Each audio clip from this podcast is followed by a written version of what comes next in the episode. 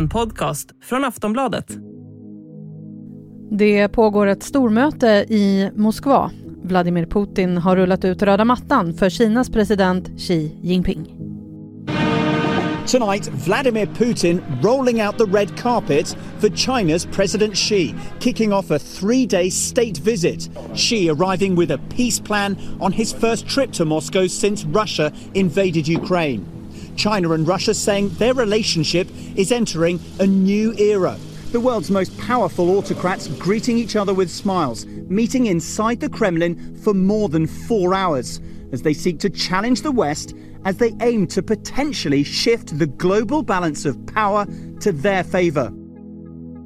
Och mötet mellan stormakterna har varit bestämt under en tid men kom både lägligt och olägligt för de inblandade kanske beroende på vem du frågar. I slutet på förra veckan så kom nämligen ICC, Internationella brottsdomstolen i Haag med en arresteringsorder på Putin för hans brott i kriget mot Ukraina. The US President Joe Biden has welcomed the arrest warrant issued against Vladimir Putin by the International Criminal Court on Friday. Russia's president is accused of war crimes, focusing on the forced deportation of Ukrainian children to Russia. It's the first time the court has ordered the arrest of a prominent serving political leader. Ukraine's President Vladimir Zelensky has hailed the decision as historic. Moscow, though, dismissed the announcement as outrageous, saying it doesn't recognize the jurisdiction of the court. Och med besöket visar Putin upp att han minsann har en kompis på sin sida. Men för Xi Jinping så är mötet också lite pinsamt eftersom han visar att han stöttar en efterlyst krigsförbrytare. Men det är ju möjligt att de båda presidenterna inte bryr sig ett dugg om brottsdomstolen i Haag. I tre dagar så pågår mötet mellan Ryssland och Kina. Det har pratats om att Kina vill hjälpa till att skapa fred i Ukraina. Men många pratar också om att det här är tillfället för Putin att få hjälp av Jinping med ännu mer vapen. Vapen som skulle kunna förändra utgångsläget av kriget. Om Kina väljer att stötta Ryssland ännu mer så kommer tre stormaktsländer med kärnvapen vara inblandade. Vem ska då kunna sätta stopp för allt som händer? Vad innebär mötet mellan Putin och Jinping? Hur oroliga är egentligen omvärlden över det här mötet och hur påverkar ICCs arresteringsorder den ryska presidenten? Det här pratar vi om i det här avsnittet av Aftonbladet Daily. Jag heter Jenny Ågren. Och jag har med mig Wolfgang Hansson, vår utrikespolitiska kommentator. Wolfgang, varför träffas de i Moskva just nu? Därför att eh, Putin har bjudit in Xi Jinping och det här är ju en tradition att de träffas eh, en eller flera gånger om året och omväxlande i Peking, omväxlande i Moskva. Det här är, jag tror att det är 40 gången de möts. Eh, så att eh, de känner ju varandra väldigt väl vid det här laget. Ja, vad är de för typ av kompisar? Ja, alltså som, som man är på den här nivån när det handlar om att man är, leder ett land så är man ju har man kanske inte den här djupa personliga vänskapen. Men det verkar som att de eh, har en hyfsat bra personkemi med varandra. De kommer hyfsat bra överens. Men framförallt så är det ju för att båda två har en väldigt stor nytta av det här, den här relationen liksom, eh, som de träffas. Hur tycker du att de har sett ut tillsammans på bilderna? Eh, jo, de har sett väldigt vänskapliga ut. Eh, det ser ju ut som att de eh, uppskattar varandra och det verkar som att de gjorde en Putin gjorde en poäng av att de satt vid ett litet bord ganska tätt tillsammans istället för när han träffade Macron och Frankrikes president och Olaf Scholz, eh, den tyske kanslern då inför eh, kriget. Då satt han på varsin ända vid så här extremt absurt långt bord. Eh, och, och, det är väl, är väl, väldigt symboliskt tror jag, liksom att den, det ska väl visa på att det finns en närhet mellan Kina och Ryssland. Det har inför det här mötet snackats mycket om att Kina vill hjälpa till med att eh, skapa fred i Ukraina. Vad ska man tro om det? Ja, det ska man nog vara rätt skeptisk till. Eh, Xi Jinping eh, har ju lagt fram en sån här 12-punktsplan om hur man ska fixa fred i Ukraina. Eh, men den går ju ut på bland annat vapenvila och sådana saker eh, och fredsförhandlingar. Men, men Ukraina säger ju att man är inte beredd att förhandla om fred förrän eh, ryssarna har lämnat alla ockuperade ukrainska territorier. Så i praktiken är ju den här kinesiska fred, så kallade fredsplanen ett stöd till, till Putin och Rysslands krigföring. Kina visar ju sitt stöd för Ryssland eh, sida i kriget. Om de fortsätter göra det och även går in med vapen, vad innebär det? Det skulle vara en väldigt allvarlig upptrappning. Och det är det som västvärlden fruktar, att eh, Eh, Xi vid det här mötet eller vid ett senare tillfälle eh, ska gå med på att förse Ryssland med vapen. Vi ska komma ihåg att Kina exporterar redan nu drönare till Ryssland, ganska många sådana. Eh, och det är ju då eh, civila drönare så att de, de omfattas inte av de här amerikanska sanktionerna men eh, USA kan ju när som helst hota Kina med att eh, införa sanktioner mot Kina ifall de exporterar material till Ryssland som USA anser kan eh, användas i kriget och som man inte eh, vill se där. Det vore en väldigt allvarlig upptrappning därför att Ryssland, Kina och USA är världens tre största kärnvapenmakter. Idag är det då eh, NATO, alltså USA indirekt, eh, som är involverade i kriget genom att skicka vapen till Ukraina som ju har blivit angripet av Ryssland. Och Ryssland är ju direkt involverat i kriget. Och om Kina också blir indirekt eller direkt involverade i kriget med, genom att de bidrar med vapen till Ryssland så skulle det ju vara en, en klar eskalering av kriget och eh, indirekt också då naturligtvis höja insatserna och öka risken för att kärnvapen skulle kunna komma till användning. Du skrev en text häromdagen eh, och kallade det för mardrömsscenario.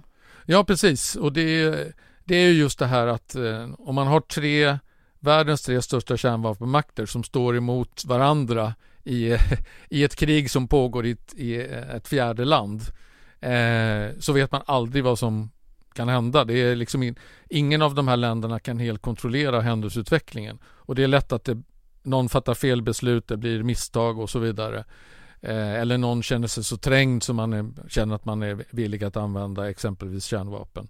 Eh, så att jag menar, att Kina skulle också lägga sig i den här konflikten på ett direkt sätt, det, det, skulle ju öka eh, risken med det här kriget. Om alla de här tre stormaktsländerna liksom blir involverade, vem ska då komma och sätta ner foten och säga nu får ni lägga av? Ja, då är det ju bara FN som finns så att säga, som kan göra det. Eh, men de är ju, eh, där är ju säkerhetsrådet förlamat därför att där sitter ju både Ryssland och Kina och USA och har sina veton. Så att eh, säkerhetsrådet kommer ju inte kunna agera i ett sådant läge. Och då står vi där utan någon eh, annan part som så att säga kan försöka medla i den här eh, eventuella konflikten. Då. Vi ska snart ta och prata mer med Wolfgang. Vi är snart tillbaka.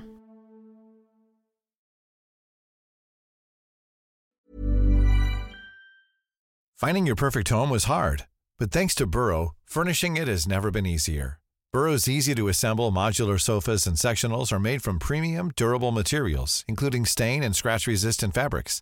So they're not just comfortable and stylish, they're built to last. Plus, every single Burrow order ships free right to your door. Right now, get 15% off your first order at burrow.com slash ACAST. That's 15% off at burrow.com slash ACAST. Hur lägligt kommer det här mötet för Putin egentligen? Jag menar, I förra veckan så åtalade ju ICC, Internationella brottsdomstolen i Haag, Putin för krigsbrott. Ja, på så sätt så kommer det väl väldigt lägligt för Putin. För eh, att bara några dagar senare kunna välkomna en av världens mäktigaste män eh, är ju naturligtvis en fjäder för hat, i hatten för Putin. Och det visar liksom att han, eller han tycker sig då kunna visa att han är minsann inte en paria-figur och folk vill fortfarande träffa honom och, och så vidare.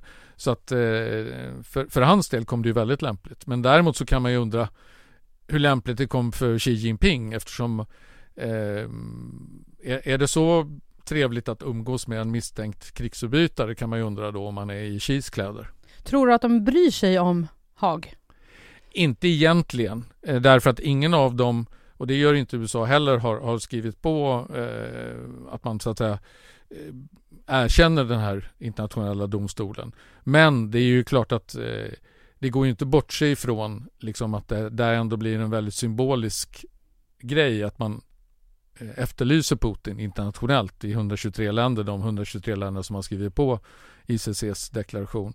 Eh, så att det är ju inte, det är inte direkt gynnsamt för Xi Jinping att besöka en sån person. Om vi bara pratar lite om det här med arresteringsorden, kan man på något sätt jämföra det här med när Milosevic greps för sina krigsbrott i före detta Jugoslavien? Ja, på så sätt att, att eh, det i teorin skulle kunna hända även Vladimir Putin. Men nu ska vi komma ihåg att Serbien var, var ju ett, det är ett litet land och eh, därför kom det en folklig revolt som gjorde att eh, Milosevic förlorade makten och de nya makthavarna lämnade ut honom. Men det finns inget som tyder på att Putin är på väg att förlora makten i, i Ryssland. Och även om man skulle göra det så håller jag det för väldigt osannolikt att några nya makthavare skulle lämna ut honom till eh, brottmålsdomstolen i Haag.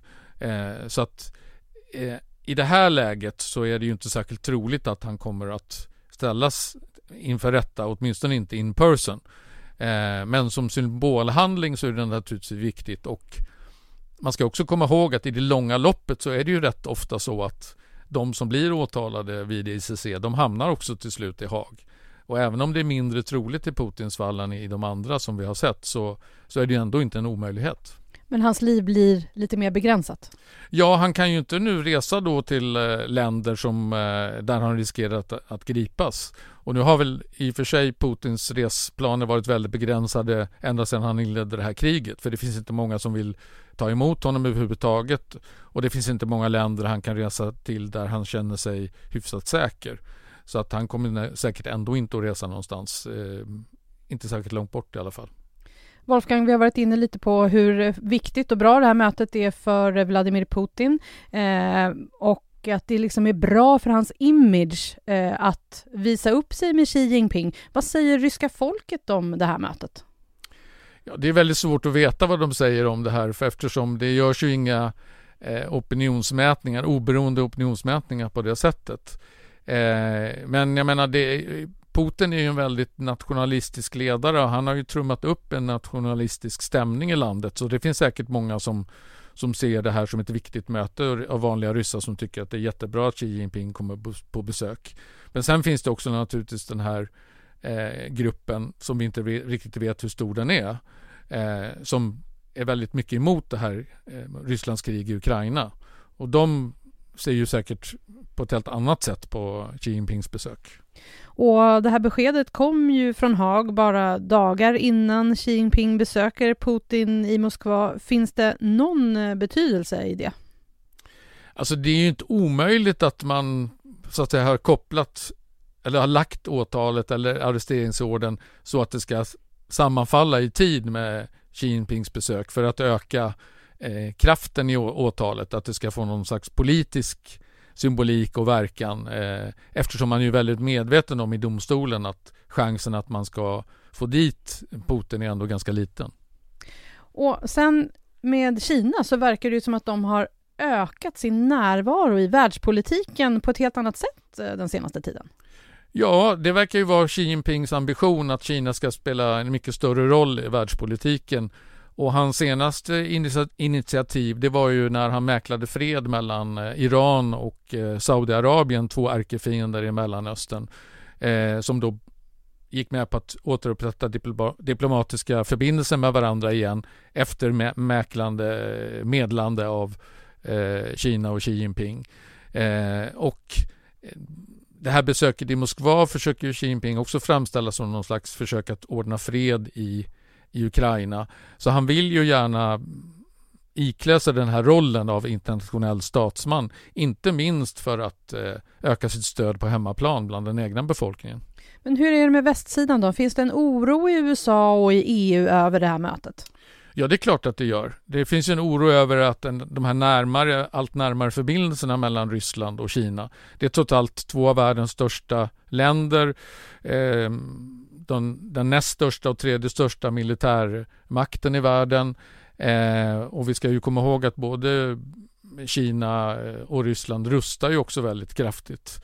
Eh, och det är klart att när de slår sina påsar ihop eh, och vill med målet då att, att åstadkomma någon slags annan världsordning än den här liberala världsordningen som har styrt världen nu sedan andra världskriget så är det ju en väldigt eh, stark utmaning mot väst och eh, man ser ju hur, hur, vilka problem det innebär nu. Nu har vi ett krig i, i Ukraina där Europa och NATO försöker stoppa Ryssland. Samtidigt har vi då Kina som hotar att invadera Taiwan. Det skulle bli ett nytt krig där USA har sagt att man eh, tänker försvara Taiwan ifall Kina attackerar. Då skulle det bli ett krig även där.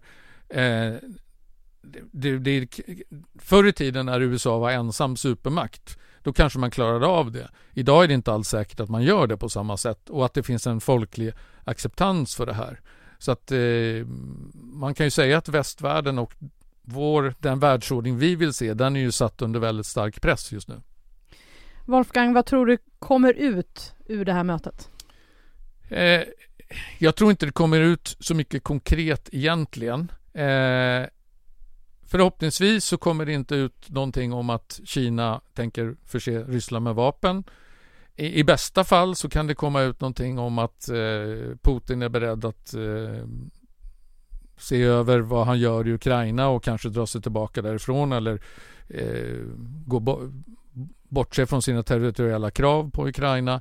Eh, vilket ju skulle kunna vara ett första led i någon slags eh, avslutning av kriget och fred. Men jag tror ing, inget av de två alternativen kommer att hända utan jag tror det kommer att vara en ganska formell eh, man kommer överens om, om liksom att de här stora orden och att man är vänner och man ska arbeta ihop och så vidare. Men, men att det inte blir så himla mycket konkret som kommer ut av det.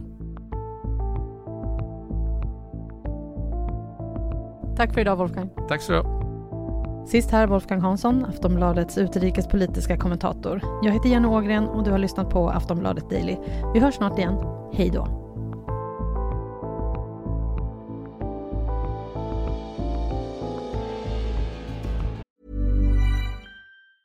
As a person with a very deep voice, I'm hired all the time for advertising campaigns. But a deep voice doesn't sell B2B, and advertising on the wrong platform doesn't sell B2B either. That's why, if you're a B2B marketer, you should use LinkedIn ads. LinkedIn has the targeting capabilities to help you reach the world's largest professional audience.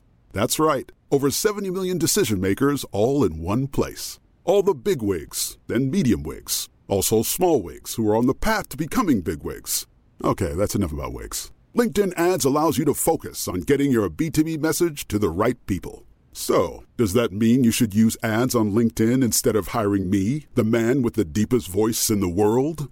Yes. Yes, it does. Get started today and see why LinkedIn is the place to be to be. We'll even give you a $100 credit on your next campaign. Go to linkedin.com slash results to claim your credit. That's linkedin.com slash results.